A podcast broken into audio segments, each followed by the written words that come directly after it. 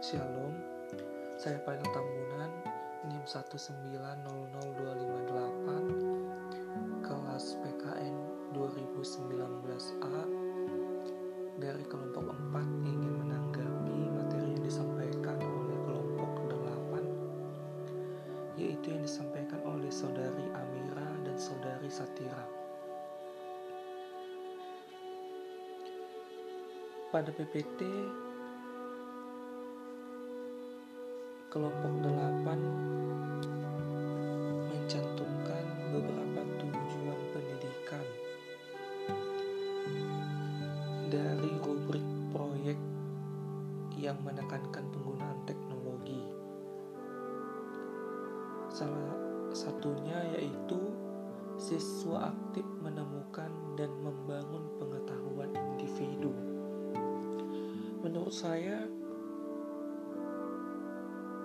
penggunaan teknologi itu sangat baik apalagi di Indonesia kurikulum 2013 itu sangat didukung oleh penggunaan teknologi.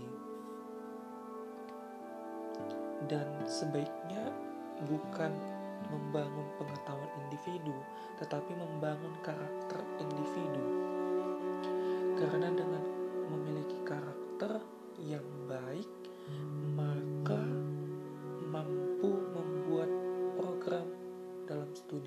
sosial.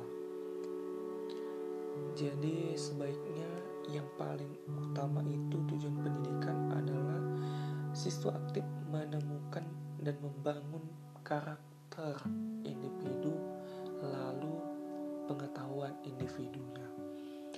Pertanyaan untuk kelompok 8 Bagaimana mengoperasionalkan ide pembelajaran